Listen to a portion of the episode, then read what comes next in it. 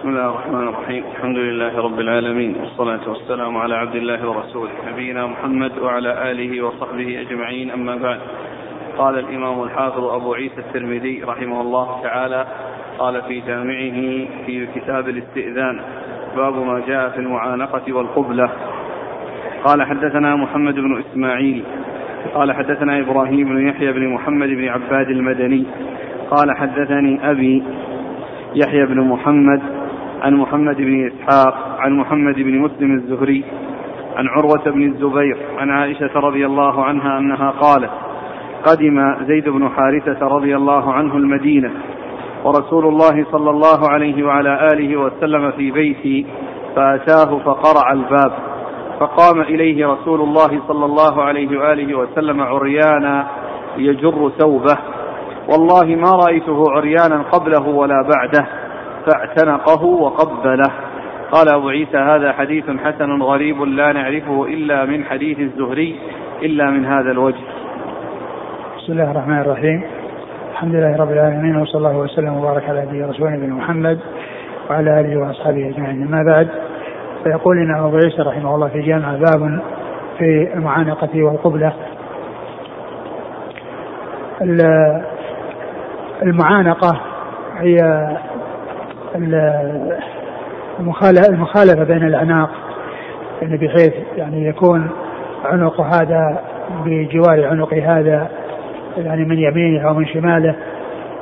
وقد جاء فيها يعني هذا الحديث الذي ذكره المصنف وهو ضعيف ولكنه جاء عن الصحابة رضي الله عنهم وأرضاهم أنهم كانوا إذا تلاقوا تصافحوا وإذا قدموا من سفر تعانقوا وذكر المصنف في هذا حديث عائشة رضي الله عنها أن النبي صلى الله عليه وسلم كان عندها وأنه جاء زيد بن يعني قدم من سفر طرق الباب فالرسول صلى الله عليه وسلم فرح به وقام إليه مسرعا وقالت إنه قام إليه عريانا. ويحمل قولها عريانا على أساس أن, أن, أن, أن أنه انكشف منه يعني ما فوق السرة وما تحت الركبة.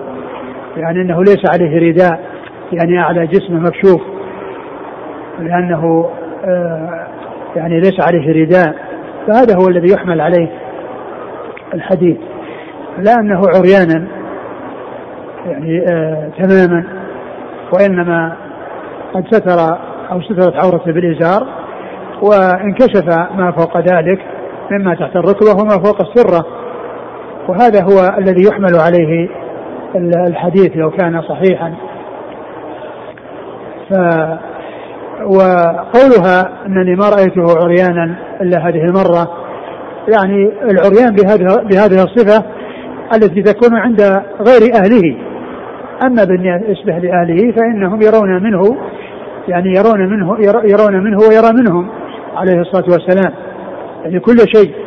ولكن كون عند غير أهله هذا العري الذي ذكرته عائشة يحمل على هيئة ليست معتادة له وليست معروفة عنه وهي أنه يظهر للناس بدون رداء وأن على جسمه يكون مكشوفا وإنما كان يلبس الإزار والرداء ويلبس القميص صلوات الله وسلامه وبركاته عليه. فيكون قوله ما رأيته عريانا إلا هذه المرة أي العري الذي فيه ستر العورة والذي فيه انكشاف يعني ما فوق السرة فإنها ما كانت رأته عند أحد من الناس إلا في هذه الحالة التي جاء فيها زيد بن حارثة رضي الله عنه. والحديث آه ضعيف ضعيف الإسناد. نعم. تسمية عورة؟ نعم تسمية عورة. يعني معناه أنها ال ال ال الهيئة الكاملة التي كان عليها صلى الله عليه وسلم وهي أنه كان يتستر وأنه ما كان يتبذل ويظهر أو يظهر أمام الناس بهذا المظهر وبهذا المنظر. ثم أيضا أنه قام فزعا فرحا فحصل له ذلك بسبب الإسرعة وبسبب العجلة. و وليس من العورة بلا شك يعني ما فوق السرة ولكن هذا هو الذي آه هذا هو الذي حصل. والحديث هو ضعيف يعني لا لا تقوم به حجة. ولم يثبت. نعم. حتى أصل القصة؟ أصل القصة معانقة زيد والفرح بقدومه. ما يعني الحديث ما أعرف هل هو جاء من طريقة أخرى فيها المعانقة لا أدري ولكن الحديث الذي فيه هذه الطريقة الذي فيها هذه الهيئة وفيها المعانقة ما يعني أعرف أنها ما أعرف أنها جاءت مستقلة. قال حدثنا محمد بن إسماعيل. هو البخاري. نعم. عن إبراهيم بن يحيى بن محمد بن عباد. وهذا هو قال فيه. لين الحديث نعم. الترمذي. نعم. وأبو وعن أبيه. يحيى بن محمد. وهو ضعيف. وجره الترمذي. نعم. عن محمد بن إسحاق. محمد إسحاق المدني وهو صدوق مجلس وقد روى بالعنعنة وحديثه اخرجه البخاري تعليقا مسلم وأصحاب السنة. عن محمد بن مسلم الزهري. وهو ثقة أخرج أصحابه في الستة. عن عروة بن الزبير. آه، ثقة فقيه أخرج أصحابه في الستة. عن عائشة. عن عائشة رضي الله عنها أم المؤمنين رضي الله عنها. والحديث فيه ثلاث علل. فيه هذا اللين وهذا الضعيف وفيه عنعنة محمد بن إسحاق وهو مدلس.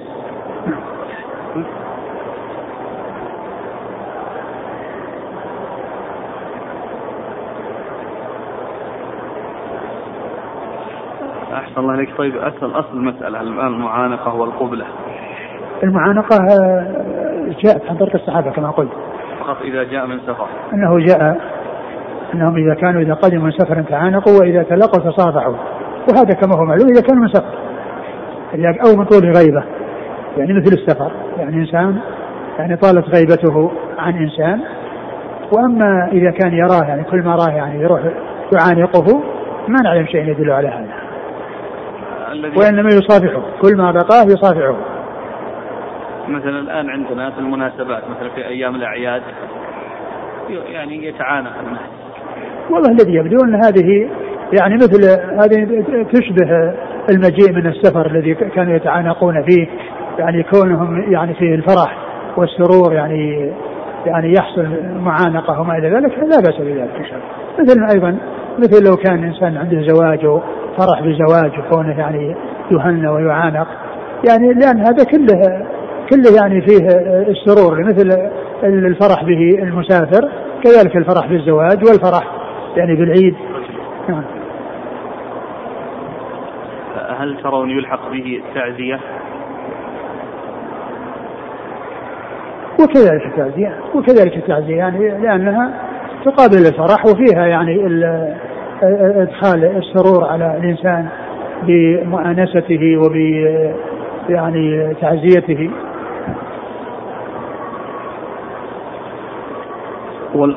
هذه مسألة معانقة مسألة القبلة.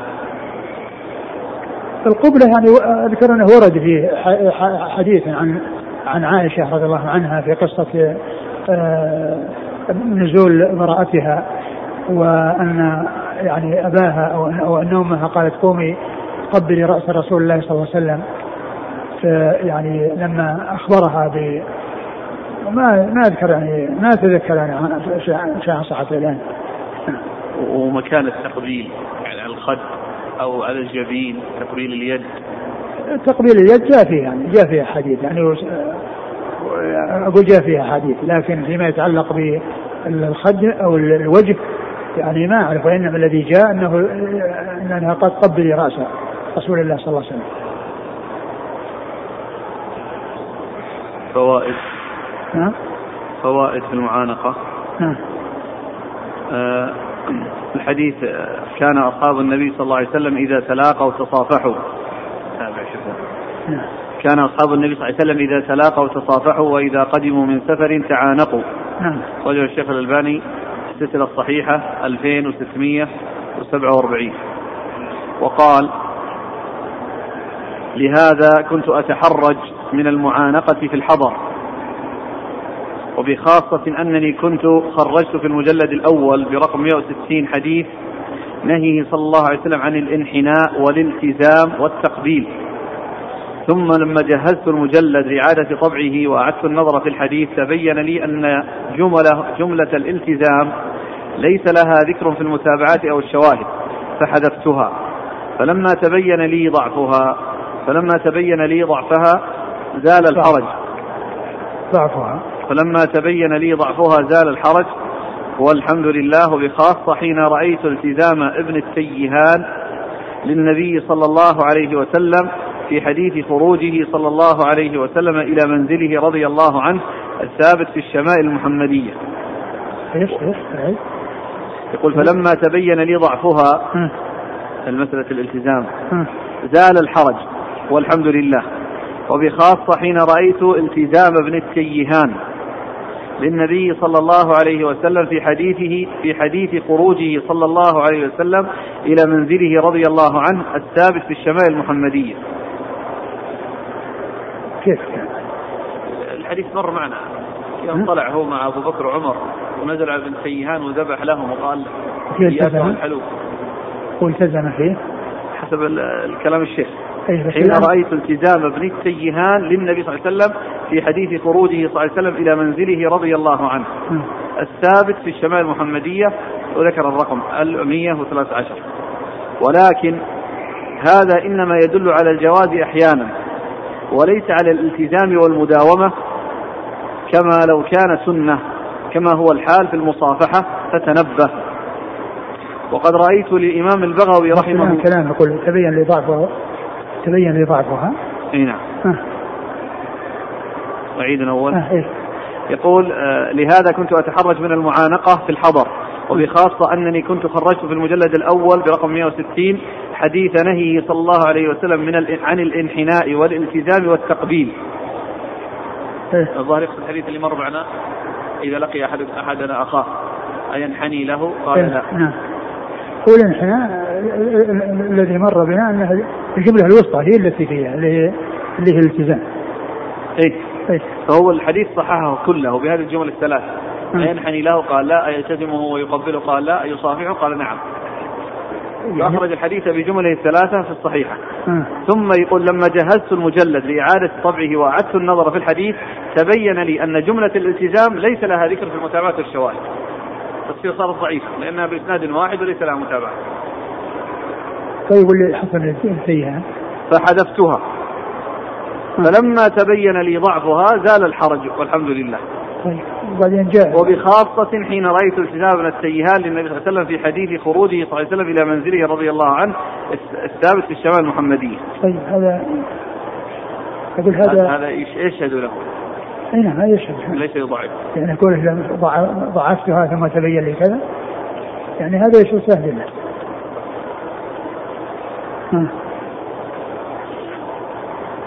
ممكن هو الحديث مر بنا بس ما أدري هل فيه ذكر الالتزام لأنه اللي كان اللي كان جاب لهم عتق يذبح لهم شاة عناق أو قليات أو الحلوب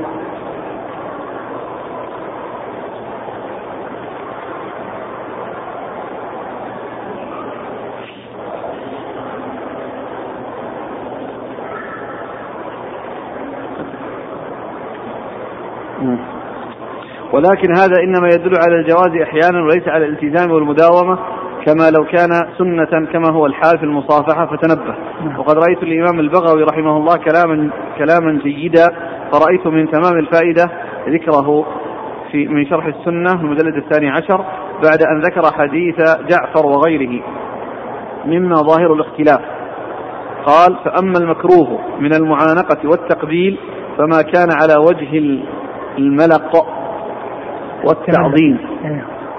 وفي الحضر فأما المأذون فيه فعند التوديع وعند القدوم من السفر وطول العهد بالصاحب وشدة الحب في الله. وطول العهد بالصاحب يعني مثل ما لو كان يعني بدون سفر ولكنها عهده ببعيد. ومن قبل فلا يقبل الفم ولكن اليد والرأس والجبهة. وإنما كره ذلك في الحضر فيما يرى لأنه يكثر ولا يستوجبه كل أحد. فإن فعله الرجل ببعض الناس دون بعض وجد عليه الذين تركهم وظنوا أنه قصر بحقوقهم وآثر عليهم وتمام التحية المصافحة. هذا كلام البغوي. ثم قال الشيخ واعلم أنه ذهب بعض الأئمة كأبي حنيفة وصاحبه محمد إلى كراهة المعانقة حكاه عنهم الطحاوي خلافا لأبي يوسف. ومنهم الإمام مالك ففي الآداب الشرعية قال ابن مفلح وكره مالك المعانقة للقادم من السفر وقال بدعة. واعتذر من فعل النبي صلى الله عليه وسلم ذلك بجعفر حين قدم بأنه خاص له. فقال له سفيان ما تخصه بغير دليل؟ فسكت مالك. قال القاضي وسكوته دليل لتسليم قول سفيان وموافقته وهو الصواب حتى يقوم دليل التخصيص.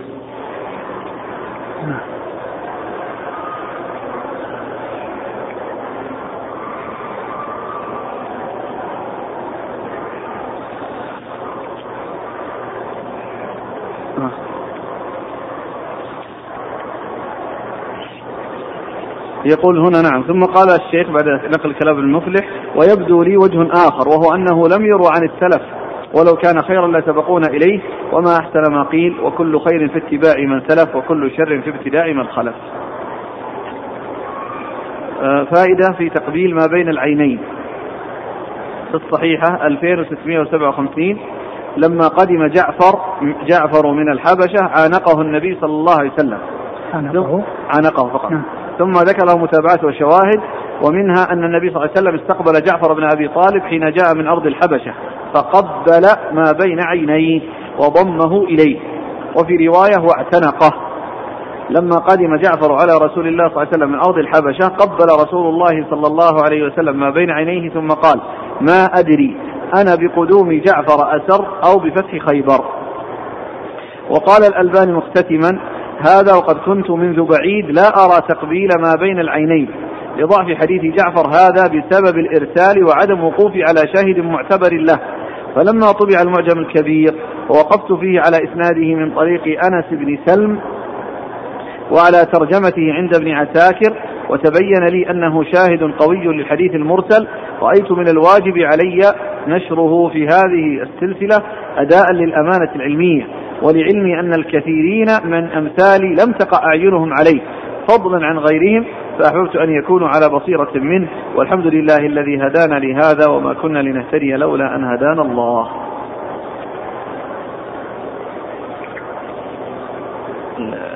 ينبغي أن يبحث عن أيضا عن الذي جاء في تقبيل الرأس الذي جاء عن عائشة.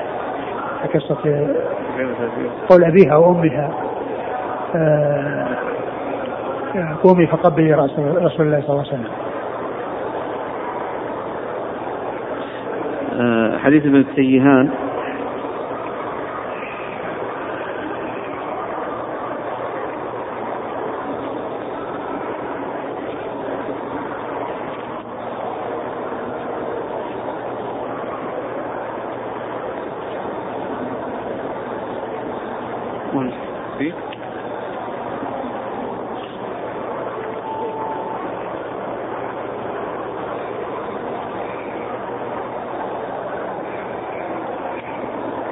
نعم آه، الجملة فيه يقول فلم يلبث أن جاء أبو الهيثم بقربة يزعبها فوضعها ثم جاء يلتزم النبي صلى الله عليه وسلم ويفديه بأبيه وأمه. إيه. نعم تبقى العبارة ها؟ عبارة الشيخ كيف ضعفه ومع أنه وجد وقف على عبارة ابن سيئان يمكنها ذهبت عنه شيء. أقول هو نص عليها؟ هو نص عليها نعم. إيش قال؟ لكن العبارة في ضعف قصدك هذا اللي هو الأول اللي هو الذي مضى اللي ضعفتها ضعفته ثم لما رأيته. اي نعم يعني لما رأيتها يعني معناه زال الضعف بس ما ما جاء التوضيح. يعني ضعفتها ثم كذا يعني كأنه ما بين. يعني الكلام يعني صار كأنه ما هو ما هو منسجم. يعني ذكر التضعيف ثم ذكر بعده شيء يدل على الثبوت.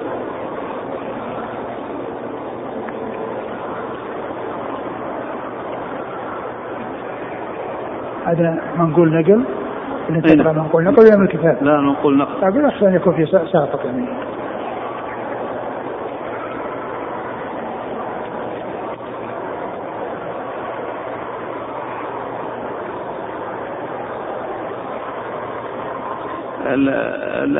لعله الكلام اتضح الله أعلم. انه الشيخ الآن لما يقول آه، آه، خرجت الحديث عن في النهي عن الانحناء والالتزام والتقبيل ثم لما جهزت المجلد على طبعه وعدت النظر في الحديث تبين لي أن جملة الالتزام ليس لها ذكر في متابعة الشواهد فحذفتها. فلما تبين لي ضعفها زال الحرج والحمد لله وبخاصة حين رأيت النبي صلى الله عليه وسلم حين رأيت التزام ابن التيهان. لأن ابن التيهان التزم النبي صلى الله عليه وسلم. هذا الحديث فيه أيلتزمه قال لا. فهذا كيف يقول له لا لا يلتزمه؟ وابن التيهان يلتزم النبي صلى الله عليه وسلم. فتناقض. فهذا مما جعله يزداد يعني بيانا أنها ضعيفة لعدم وجود شواهد لها ولمخالفة فعل ابن التيهان مع النبي صلى الله عليه وسلم حيث التزم. طيب. هذا اذا اذا هذا ذاك اللي جاء بلسان ضعيف هذا يقوي. لا ما يقوي لأنه لأنه قال أيلتزمه؟ قال لا لا يلتزم. قال لا. طيب وهنا التزم. وهنا التزم. طيب. فدليل أنه نهيه عن الالتزام ضعيف. اي نعم صح النهي عن الالتزام. النهي عن الالتزام نعم. اي نعم صحيح. لأن يلتزمه أي. قال لا. قال نعم لا. صح صح لانها يعني العبارة فيها نهي. أقول فيها نهي ليس فيها. صح حديث أمس قال رجل يا رسول الله الرجل منا يلقى أخاه أو صديقه أينحني له؟ قال لا. قال أفيلتزمه ويقبله؟ قال لا. صح. قال فيأخذ بيده ويصافح قال طيب خلاص يعني على بابه. نعم. أقول على بابه لأن كان يعني هذه تعارضها لأن هذا نهي وهو ضعيف وهذا يقابله الإثبات نعم. الذي هو الالتزام في هذا الرجل للرسول صلى الله عليه وسلم. يعني يعني شيء يقابل هذا الذي هو ضعيف نعم.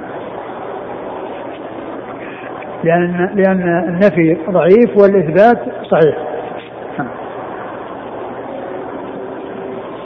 قال رحمه الله تعالى باب ما جاء في قبلة اليد والرجل. قال حدثنا أبو كريب قال حدثنا عبد الله بن إدريس وأبو أسامة عن شعبة عن عمرو بن مرة عن عبد الله بن سلمة عن صفوان بن عسال رضي الله عنه قال قال يهودي لصاحبه اذهب بنا إلى هذا النبي. فقال صاحبه لا تقل نبي إنه لو سمعك كان له أربعة أعين.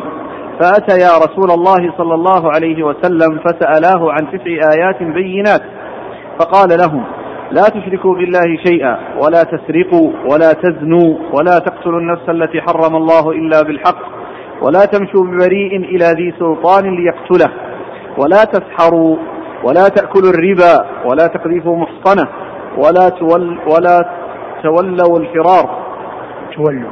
ولا تولوا الفرار يوم الزحف. وعليكم خاصة اليهود ألا تعتدوا في السبت. قال فقبلوا يده ورجله. فقال نشهد أنك نبي. قال فما يمنعكم أن تتبعوني؟ قالوا إن داود. إن داود دعا ربا ربه ألا يزال في ذريته نبي. وإنا نخاف إن تبعناك أن تقتلنا اليهود. قال وفي الباب عن يزيد بن الأسود وابن عمر وكعب بن مالك. قال أبو عيسى هذا حديث حسن صحيح. ثم أورد أبو عيسى باب في تقبيل اليد والرجل. آه، أورد فيه هذا الحديث عن عن صفوان بن عسال. عن صفوان بن عسال رضي الله عنه قال جاء قال يهودي لصاحبه اذهب بنا إلى هذا النبي. نعم. فقال صاحبه لا تقل نبي. لو سمعك كان له أربعة أعين. اذهب بنا إلى هذا النبي. فقال لا تقل لا تقل إنه نبي لو سمعك كان لفرح بهذا الكلام الذي تقوله أنه نبي وأنك تصفه بأنه نبي. لأنه يعني يكون له أربعة أعين. يعني معناه أنه يكون له سرور يعني و يعني يطير بصره حتى يكون كأنه ينظر بأكثر من عينين من شدة الفرح والسرور. قال ويقابل ذلك الإنسان إذا كان مهموما مغموما فإنه يعني يكون نظرة ليس قويا وليس آه، شديدا بل قد آه، قد لا يرى من يكون حوله كما يقول أظلمت عليه الدنيا. يعني بحيث أنه يعني لا يرى يعني ما هو أمامه لما هو لما أصابه من الهم والغم. فيكون هذا في مقابله يعني مع شدة الفرح يعني يكون كأنه له أربعة أعين. يعني بنظره وانبساطه وسروره وإطلاق بصره. ثم قال فأتينا رسول فأتيا رسول الله صلى الله عليه وسلم فسألاه عن تسع آيات بينات. فقال لهم لا تشركوا بالله شيئا ولا تسرقوا. تسألوه عن تسع آيات بينات.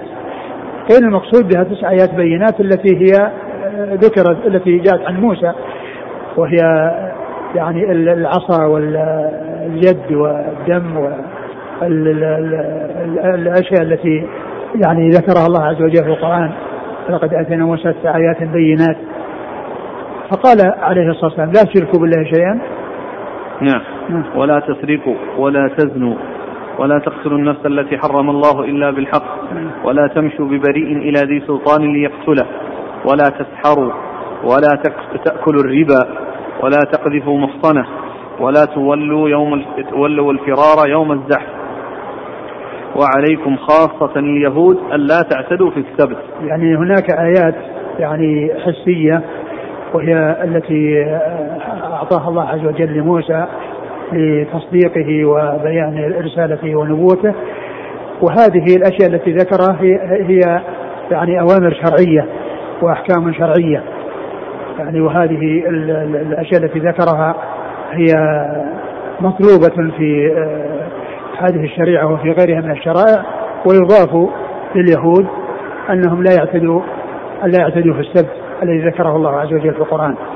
نعم. قال فقبلوا. فقبلوا يده ورجله. وهذا هو محل الشاهد. قبلوا يده ورجله. يعني معناه تصديقا له. ومع ذلك ما يعني ما استسلموا وانقادوا وآمنوا به صلى الله عليه وسلم وإنما آمنوا بأنه نبي ولكنه نبي للعرب.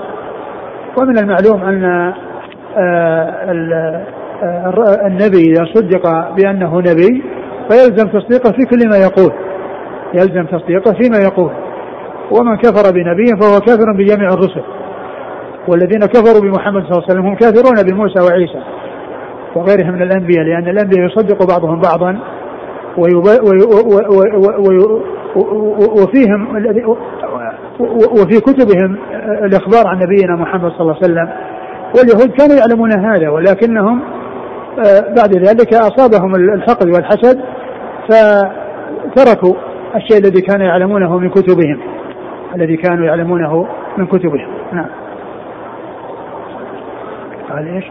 فقال نشهد أنك نبي. قال فما يمنعكم أن تتبعوني؟ قالوا إن داود دعا ربه ألا يزال في ذريته نبي. وإنا نخاف إن تبعناك أن تقتلنا اليهود. وهذا لا شك أنه مما عندهم من التحريف. إذا كان موجودا فهو من التحريف. وليس مما أنزل على رسل الله الكرام. لا على داود ولا على غيره. وهم يعلمون أنفسهم أن محمد صلى الله عليه وسلم أنه مبعوث وأنه رسول وكانوا يعرفون ذلك قبل أن يبعث صلى الله, صلى الله عليه وسلم ولكنه لما بعث جحدوا ذلك الشيء الذي كانوا يعلمونه ويعرفونه كما نعرف من كتبهم. نعم. قال حدثنا أبو كريب. محمد بن العلاء ثقة أخرج أصحابه في الستة. عن عبد الله بن إدريس ثقة أخرج أصحابه في الستة. وأبي أسامة. حماد بن أسامة ثقة أخرج أصحابه في الستة. عن شعبة. وهو ثقة أخرج أصحابه في الستة. عن عمرو بن مرة. ثقة أخرج أصحابه في الستة. عن عبد الله بن سلمة عبد الله بن سلمة صدوق. تغير حفظه أخرج له أصحاب السنن. صدوق إيش؟ تغير حفظه. نعم. أخرج له أصحاب السنن. نعم. عن صفوان بن عسال. صفوان بن عسال صحابي أخرج له. الترمذي والنسائي بن ماجه. نعم. الحديث؟ الحديث ضعفه الشيخ ناصر. يعني ب... ب... وليس فيه إسناد إلا عبد عبد الله بن سلمة هذا. عبد الله. عبد الله؟ عبد الله بن سلمة. عبد الله بن سلمة. وفي الباب عن يزيد بن الأسود. أخرج له. أبو داود والترمذي والنسائي نعم. وابن عمر نعم. وكعب بن مالك. أخرج اصحابه الستة. هنا دليل من فعل الصحابة أو التابعين مع الصحابة على تقبيل اليد وهو ما أخرجه البخاري في المفرد. هو جاء أحاديث جاء أحاديث أخرى يعني في تقبيل اليد يعني ثابتة عن رسول عن عن, الصحابة أنهم كانوا يفعلون ذلك. وكذلك في بعض الأحاديث التي يعني غير هذا الحديث اللي هي اللي من وفد عبد القيس الزارع يعني أشار إليه الشارح بس ما ذكر يعني يعني الكلام عليه حكمه. تقبيل كلها اليد وفيها ذكر الرجل أيضا بالنسبة للزارع. ويصح ما أدري عن صحته أما لكن هذا اليد اليد ثابتة.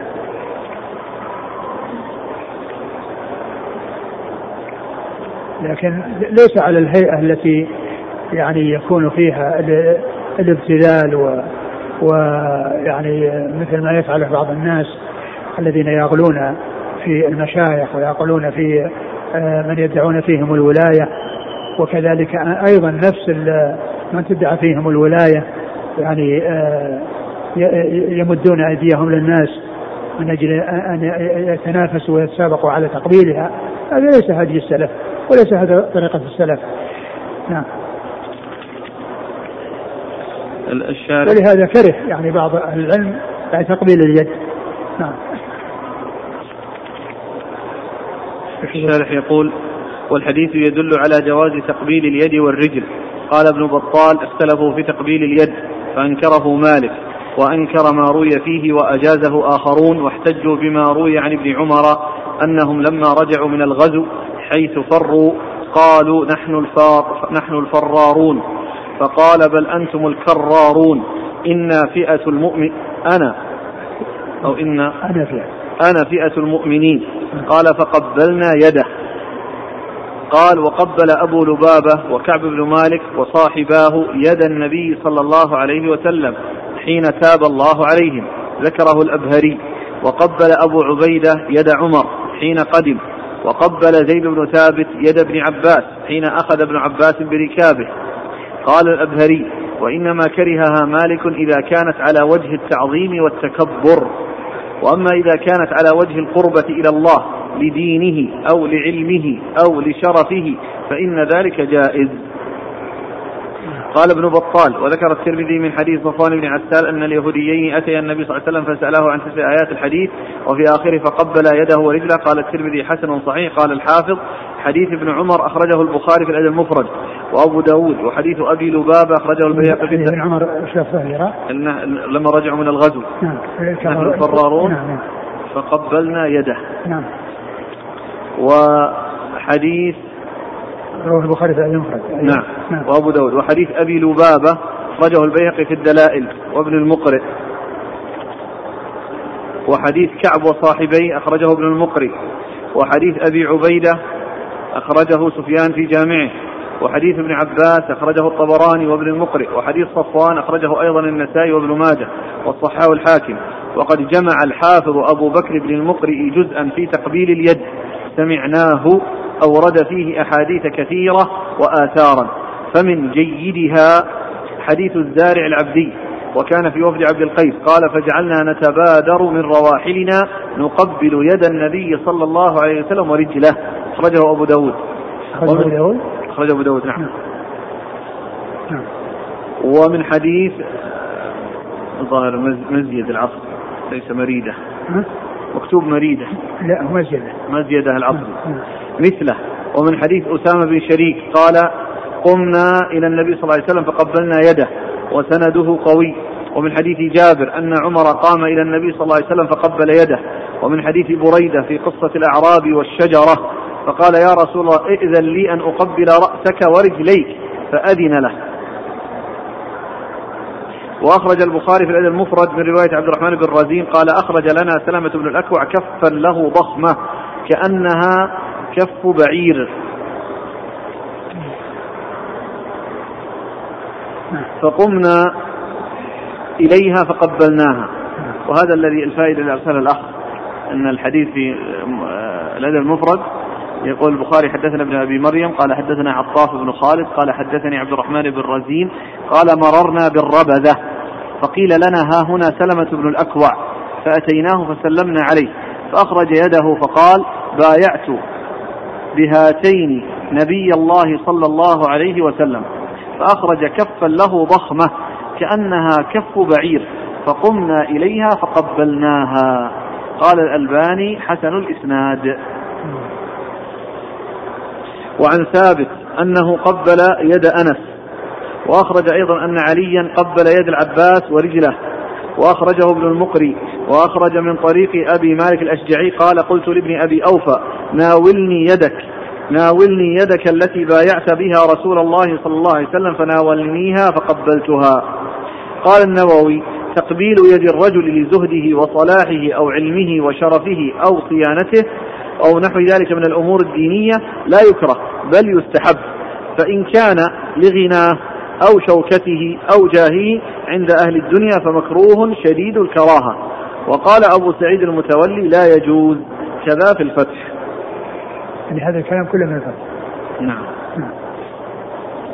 قال هذا من جيدها اللي هو قصد الزاج أيه.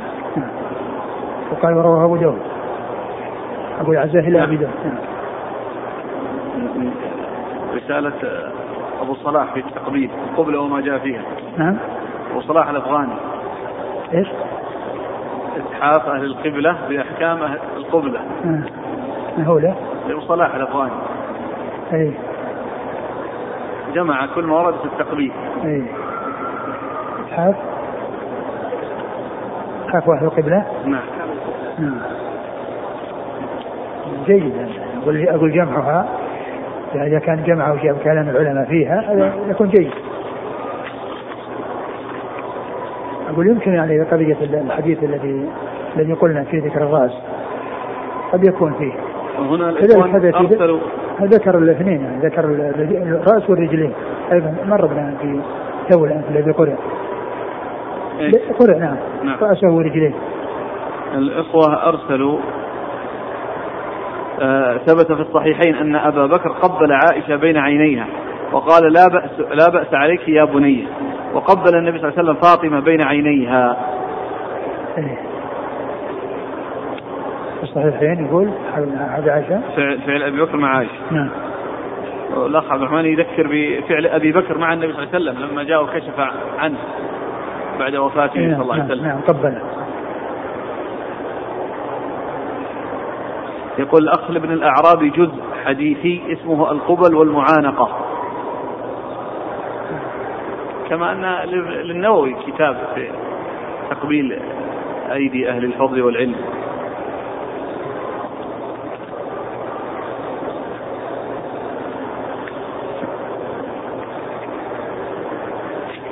قال رحمه الله تعالى باب ما جاء في مرحبا. قال حدثنا إسحاق بن موسى الأنصاري قال حدثنا معا قال حدثنا مالك عن أبي النضر أن أبا مرة مولى أم هانئ بنت أبي طالب أخبره أنه سمع أم هانئ رضي الله عنها تقول ذهبت إلى رسول الله صلى الله عليه وسلم عام الفتح فوجدته يغتسل وفاطمة تستره بثوب. قالت فسلمت. فقال من هذه؟ قلت أنا أم هانئ. فقال مرحبا بأم هانئ. قال فذكر في القصة في الحديث قصة طويلة. قال هذا حديث حسن صحيح. ثم قال باب ما جاء في مرحبا وهي الكلمة التي آه تقال لمن يراد إيناسه والفرح به والسرور به. وقد جاءت بها أحاديث ومنها هذا الحديث الصحيح الذي حديث أم هاني رضي الله عنها أنها جاءت إلى النبي صلى الله عليه وسلم عام الفتح وفاطمة تستره يعني معها يعني ثوب يعني تستره وهو يغتسل وراءه يعني تستره عن نفسها وعن غيرها اللي هي فاطمة رضي الله عنها. فجاءت أم هاني وسلمت عليه ورد عليها السلام وقال مرحبا بأم هاني. وهذا يدل على أن حالة الاغتسال وحالة آه، التكشف للاغتسال أن هذا ليس مثل قضاء الحاجة الذي مر أنه لا يسلم على من يكون كذلك بل من يكون في مكان فيه خاص بالاغتسال وليس في محل قضاء الحاجة فإنه يمكن أن يسلم عليه ويمكن أن يعني يعني يتكلم معه عند الحاجة لأن الرسول صلى الله عليه وسلم كان يغتسل وقد سلم على سلمت عليه أم هاني ورد عليها وقال مرحبا بأم هاني. مرحبا بأم هاني. ثم ذكر الحديث الذي فيه قصة طويلة وهي أن أن أنها قد أمن فيها شخصا وأن عليا قال إنه يعني لن يقبل تأمينها والرسول قال أجرنا من أجرت يا أم هاني. نعم. قال حدثنا إسحاق بن موسى الأنصاري. هو ثقة أخرج له. مسلم والترمذي والنسائي بن ماجه. نعم. عن معن. معن بن عيسى ثقة أخرج أصحابه في الستة. عن مالك. نعم إمام دار الهجرة. نعم. عن أبي النضر. هو؟ سالم بن أبي أمية ثقة أخرجه أصحاب الكتب. هو؟ سالم بن أبي أمية نعم. ثقة أخرجه أصحاب نعم. عن أبي عن أبي مرة مولى أم هانئ. وهو ثقة أخرج له. أصحاب الكتب. نعم. عن أم هانئ. عن أم هانئ رضي الله عنها أخرجها أصحاب الكتب قال حدثنا عبد بن حميد وغير واحد قالوا حدثنا موسى بن مسعود أبو حذيفة عن سفيان عن أبي إسحاق عن مصعب بن سعد عن عكرمة بن أبي جهل رضي الله عنه أنه قال قال رسول الله صلى الله عليه وعلى آله وسلم يوم جئته مرحبا بالراكب المهاجر. قال وفي الباب عن بريدة وابن عباس وأبي جحيفة رضي الله عنهم. قال أبو عيسى هذا حديث ليس إسناده بصحيح. لا نعرفه مثل هذا إلا من هذا الوجه. من حديث موسى بن مسعود عن سفيان وموسى بن مسعود ضعيف في الحديث. وروى هذا الحديث عبد الرحمن بن مهدي عن سفيان عن أبي إسحاق مرسلا ولم يذكر فيه عن مصعب بن سعد وهذا أصح. قال سمعت محمد بن بشار محمد بن بشار يقول موسى بن مسعود ضعيف في الحديث. قال محمد بن بشار وكتبت كثيرا عن موسى بن مسعود ثم تركته.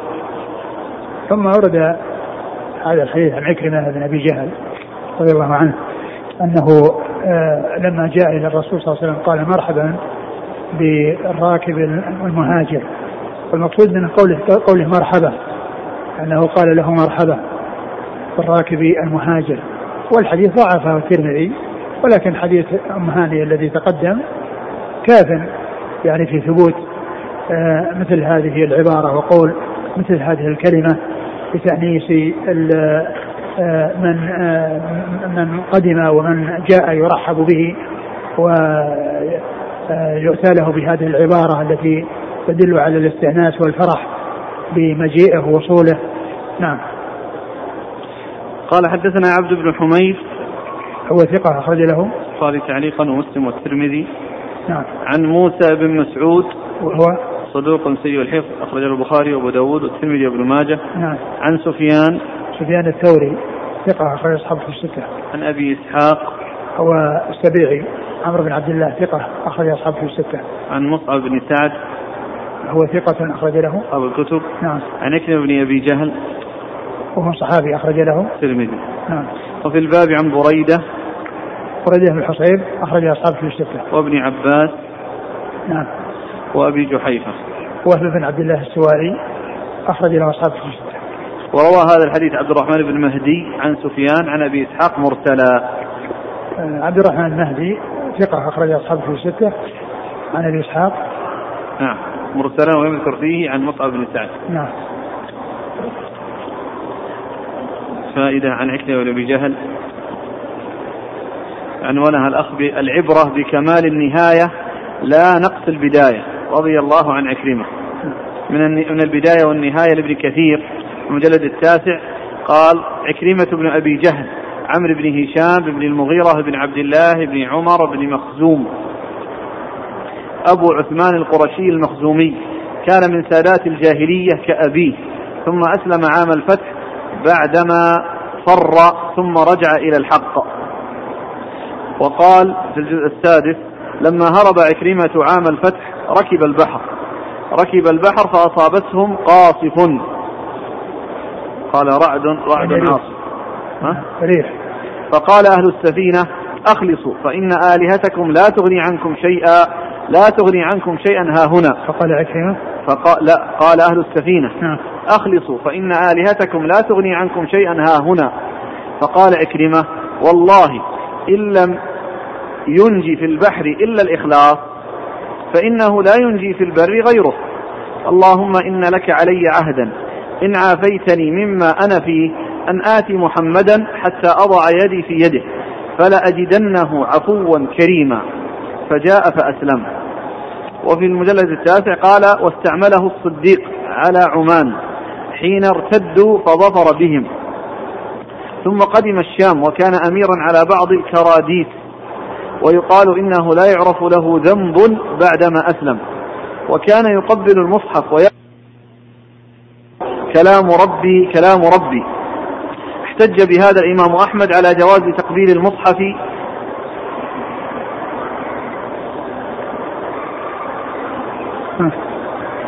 كلمة ما هي واضحة. قال وقال الشافعي كان عكرمة محمود البلاء في الإسلام. قال عروة قتل بأجنادين وقال غيره باليرموك. بعدما وجد به بضع وسبعون ما بين ضربة وطعنة رضي الله عنه. نعم احتج به أحمد على جواز تقبيل المصحف ومشروعيته. هذه الجملة. ما يدري عن ثبوت هذا الكلام ثبوت القصة هذه. يعني كونه ثابت هو إذا كان ثبت فهو جاء عن, عن أحد من الصحابة.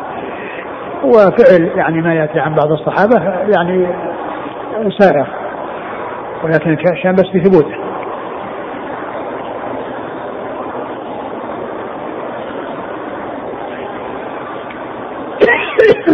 ولا شك العبرة ب أقول بكمال النهاية وبحسن النهاية وحسن الخاتمة.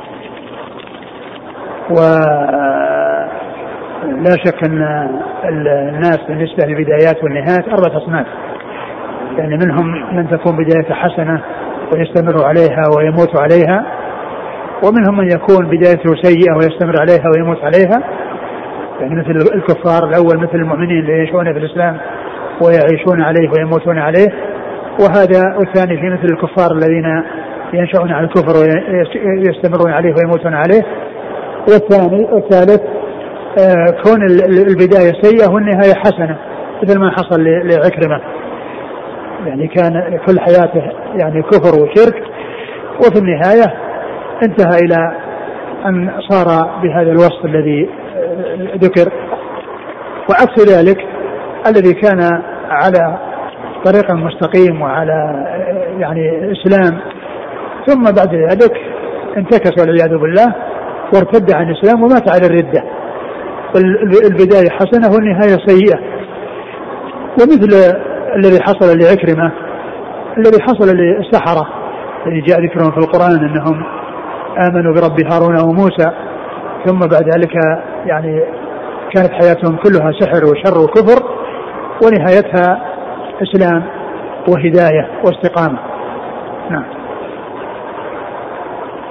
قال رحمه الله تعالى كتاب الأدب عن رسول الله صلى الله عليه وسلم. باب ما جاء في تشميت العاطف. قال حدثنا هناد قال حدثنا أبو الأحوص عن أبي إسحاق عن الحارث عن علي رضي الله عنه أنه قال قال رسول الله صلى الله عليه وآله وسلم للمسلم على المسلم ست ست بالمعروف. يسلم عليه إذا لقيه ويجيبه إذا دعاه ويشمته إذا عطس ويعوده إذا مرض ويتبع جنازته إذا مات ويحب له ما يحب لنفسه قال وفي الباب عن أبي هريرة وأبي أيوب والبراء وابن مسعود رضي الله عنهم قال أبو عيسى هذا حديث حسن وقد روي من غير وجه عن النبي صلى الله عليه وسلم وقد تكلم بعضهم في الحارث الأعور. ثم قال أبو عيسى كتاب الأدب. وهذا في بعض النسخ ذكر كتاب الأدب هنا. وفي بعضها كما ذكرت عند كتاب الاستئذان قال كتاب الاستئذان والآداب. كتاب الاستئذان والآداب. و وفي آه والشارح نسخته فيها كتاب الاستئذان والآداب وليس فيها شيء عند عند في, في هذا المكان الذي هو كتاب الأدب قبل أحاديث التشميت. أحاديث متصلة ليس فيه. وفي بعض النسخ مثل نسخة الشيخ ناصر فيها أبواب الأدب. أبواب الأدب. وموجود في الأول كتاب الاستئذان والآداب. ثم جاء أبواب. الحاصل أن بعض النسخ فيها كتاب في هذا المكان. وفيه كتاب الاستئذان على حدة فيما مضى وفي بعضها كتاب الاستئذان والآداب. ثم في هذا المكان أبواب الأدب في بعض النسخ وفي بعضها لا يوجد يعني شيء لا أبواب يعني ذكر الأبواب وإنما لحيث متصلة مثل نسخة الشارح. نسخة الشارح الأحاديث متصلة وليس فيها ذكر أبواب. فإذا يعني هذا الذي موجود معنا على ما في هذه النسخة وبعض النسخ الأخرى. وأما نسخة الشيخ ناصر فإن فيها كتاب الاستئذان والآداب وفيها أبو الأبواب هنا. ونسخة الشارح فيها كتاب الاستئذان والآداب وليس فيها ذكر أبواب هنا. ثم ورد المصنف باب في تشميت العاطس. نعم. تشميت العاطس. وتشميت العاطس هو أنه إذا حمد الله يقال له يرحمك الله. هو التشميت تشميته عندما يحمد الله يقال له يرحمك الله ويجيب هو يهديكم الله ويصلح بالكم. بهذا جاءت السنة عن رسول الله صلى الله عليه وسلم. فتشميته الدعاء له بالرحمة عندما يعطس ويحمد الله. أما إذا عطس ولم يحمد الله فإنه لا يشمت لأنه جاء في بعض الأحاديث ما يدل على عدم على أنه لا يشمت الإنسان الذي لا يحمد الله. لا يشمت الذي لا يحمد الله وإنما يشمت من يحمد الله سبحانه وتعالى. أورد أبو عيسى حديث علي رضي الله عنه أن النبي صلى الله عليه وسلم للمسلم على المسلم آه، ست بالمعروف. إيش؟ يسلم عليه إذا لقيه. يسلم عليه إذا لقيه. يسلم عليه إذا لقيه. وهذا جاءت فيه الأحاديث الكثيرة في التسليم وأن المسلمين إذا التقيا خيرهما الذي يبدأ بالسلام. نعم وقال أفشوا السلام بينكم. أو أدلكم على شيء إذا فعلتم وتحاببتم. أفشوا السلام بينكم. نعم. ويجيبه إذا دعاه. ويجيبه إذا دعاه. يعني إذا دعاه يعني لوليمة فإنه يجيبه. ومن المعلوم أن هذا إذا لم يكن هناك يعني ما يمنع من ذلك.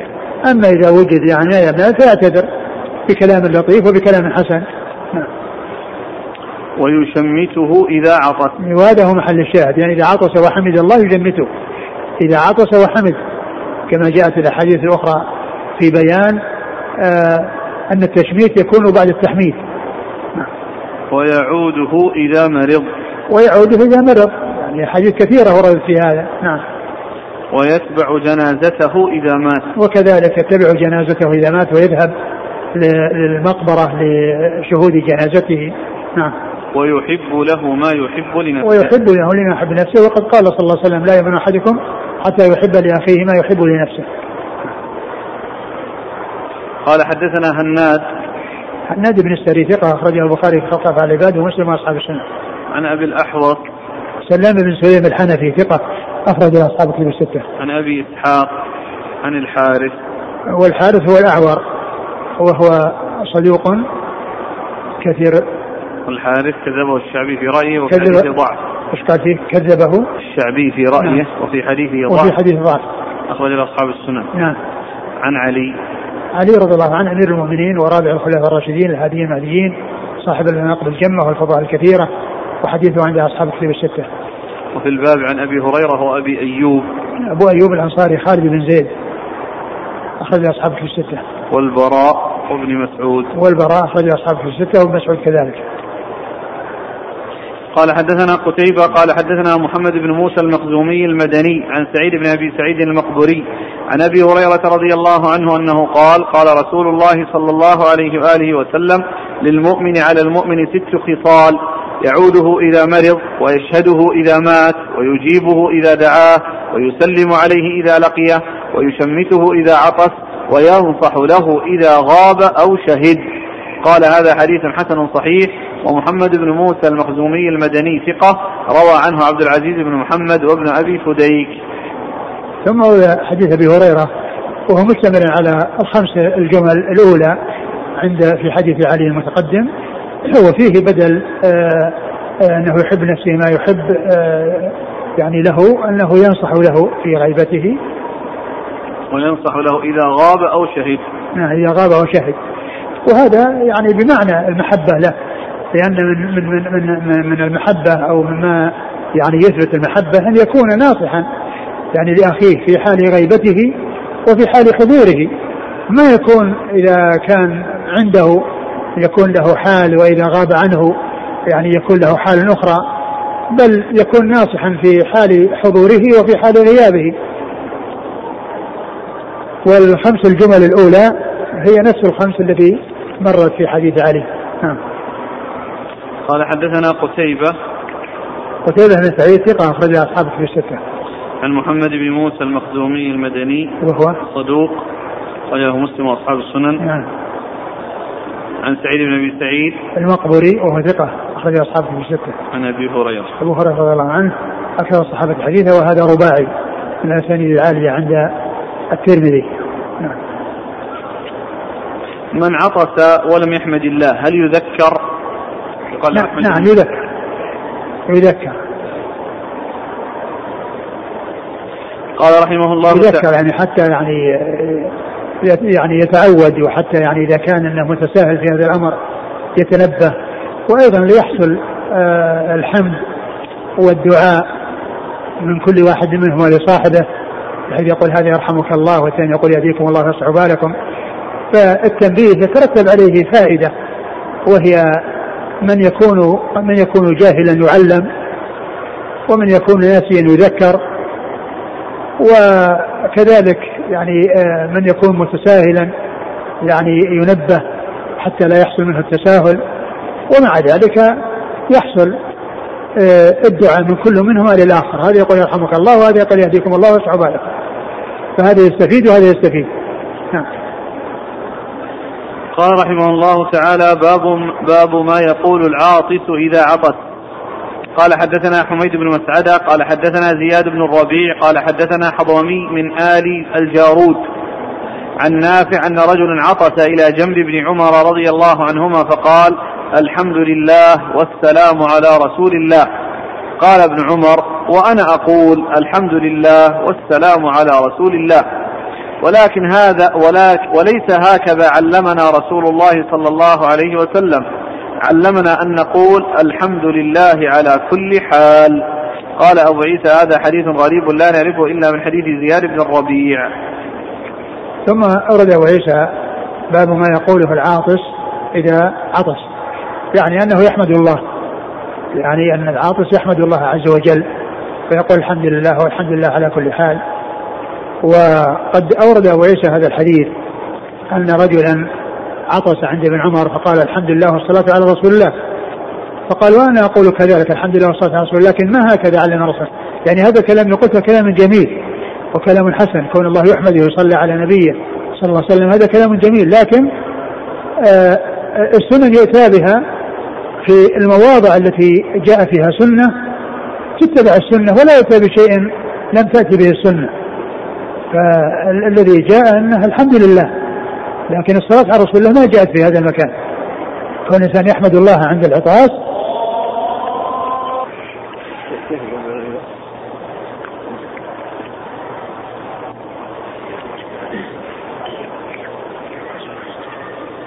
أقول في هذا الحديث الذي جاء عن ابن عمر بيان أن أن الشيء الذي ورد فيه سنة عن رسول الله صلى الله عليه وسلم في أحوال معينة أنها تتبع السنة ويؤتى بالشيء الذي جاء عن رسول الله صلى الله عليه وسلم ولا يؤتى بشيء غيره ولو كان حسنا لأن الصلاة على الرسول صلى الله عليه وسلم لا شك أنها من, من, من أفضل الأعمال ولكنها كونها تذكر في مكان لم يرد ذكرها فيه وأنها تتخذ سنة في مكان ما ورد ما وردت السنة فيه فإنها لا يؤتى بها وإنما يؤتى بالحمد فقط. الحمد لله.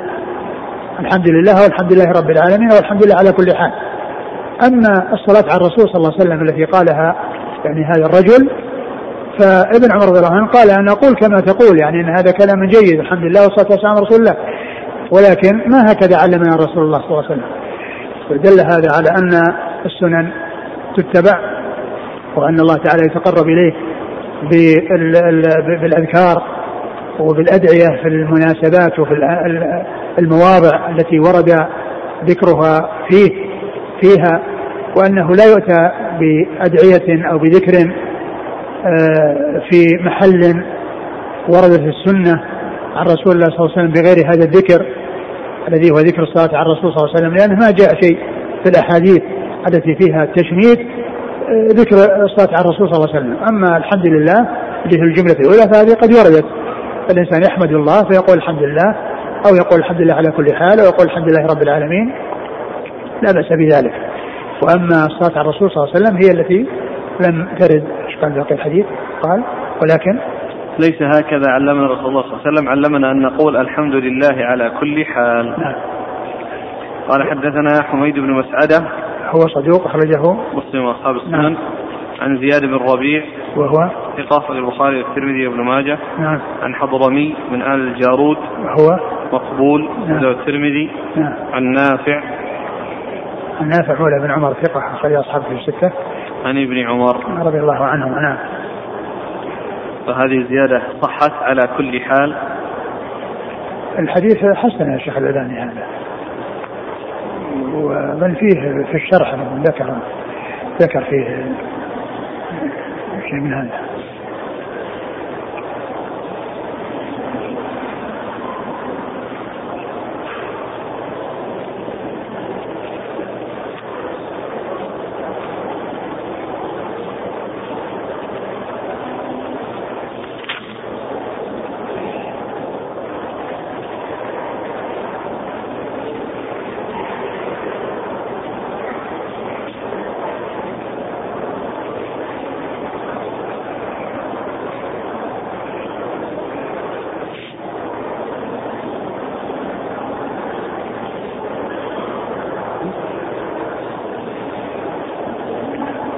ما شيء؟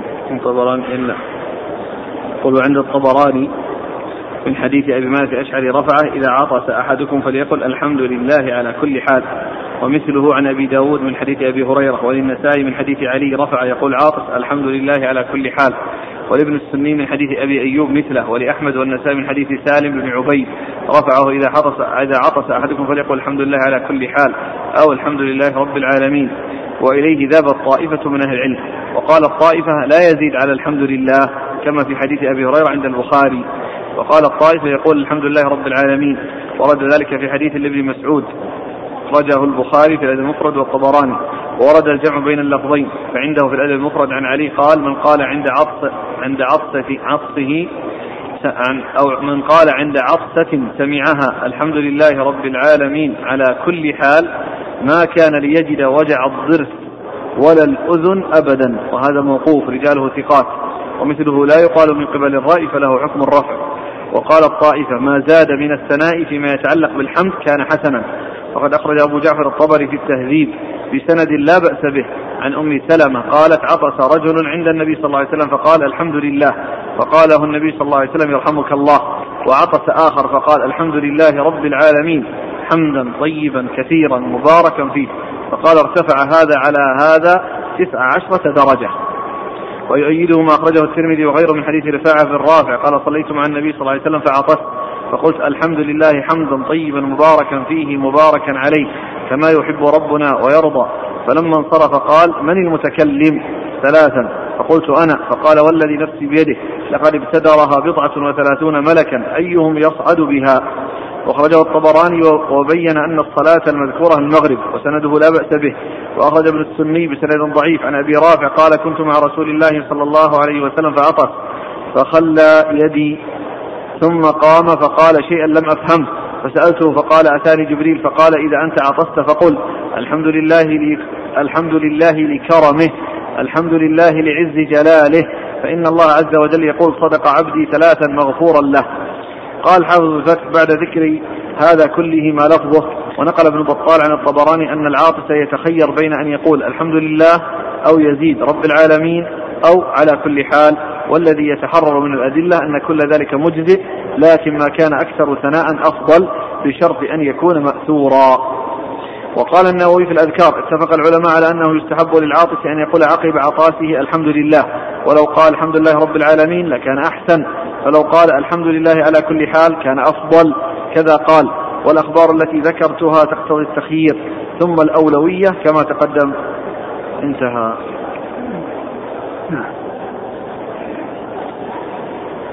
لكن هذا الذي ذكر عن البخاري الذي مفردها اللي فيه اللي فيه الجمع بينها إيش؟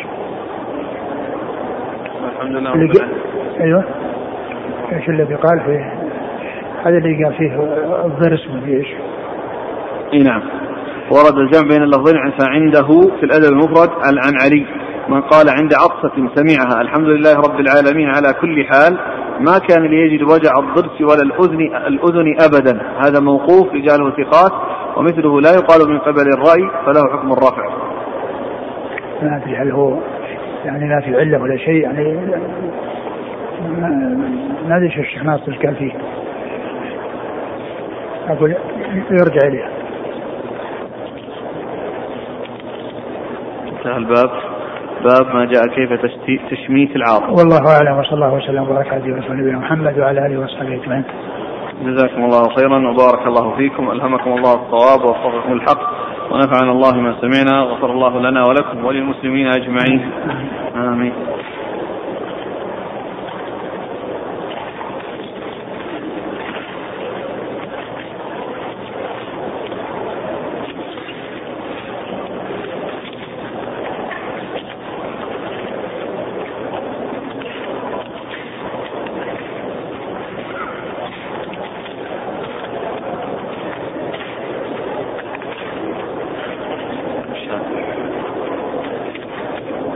يقول عن ابن عمر رضي الله عنهما قال قلت لبلال رضي الله عنه كيف رأيت رسول الله صلى الله عليه وسلم يرد عليهم حين كانوا يسلمون عليه وهو يصلي؟ قال يقول هكذا وبسط كفه وبسط جعفر بن عون كفه وجعل بطنه أسفل وجعل ظهره إلى فوق. صحيح أبي داود. يقول أرجو من فضيلتكم أن تبينوا لنا كيفية رد السلام في الصلاة وما هي السنة في ذلك.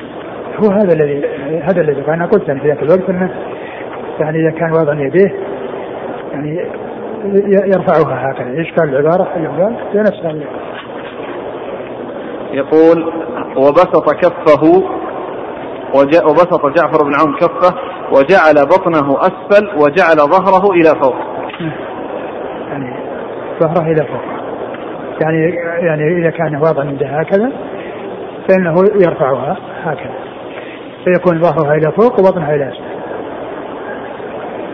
كان بالأمس لكم نية أنكم تنبهون على الجوال بالكاميرا إيه؟ قبل قبل أنا الذي أنصح الإخوان أنهم ما يستعملون هذه الجوالات التي فيها الكاميرات لأن هذه آه، يترتب عليها مضرة وأيضا قد آه، إذا رؤي مع شخص يعني ينتسب للعلم قد يتساهل في ذلك. يعني الناس فيتابعونه ويقولون هذا يستعمل يعني المشتغلين بالعلم. فالإنسان يكتفي بالشيء الذي فيه السلامة ويبتعد ولا يستعمل هذه الأشياء التي فيها محذور. لا من ناحية التصوير ولا من ناحية أيضا ما يكون فيها من التخزين الذي يمكن أن كما يقال أنه يدخل فيه ويسحب منه آه، صور وغير ذلك. فإن الابتعاد عن الأمور المحذورة هذا هو الذي ينبغي لطلب للمسلمين عموما ولطلبة العلم خصوصا. نعم. جزاكم الله خيرا. سبحانك اللهم وبحمدك.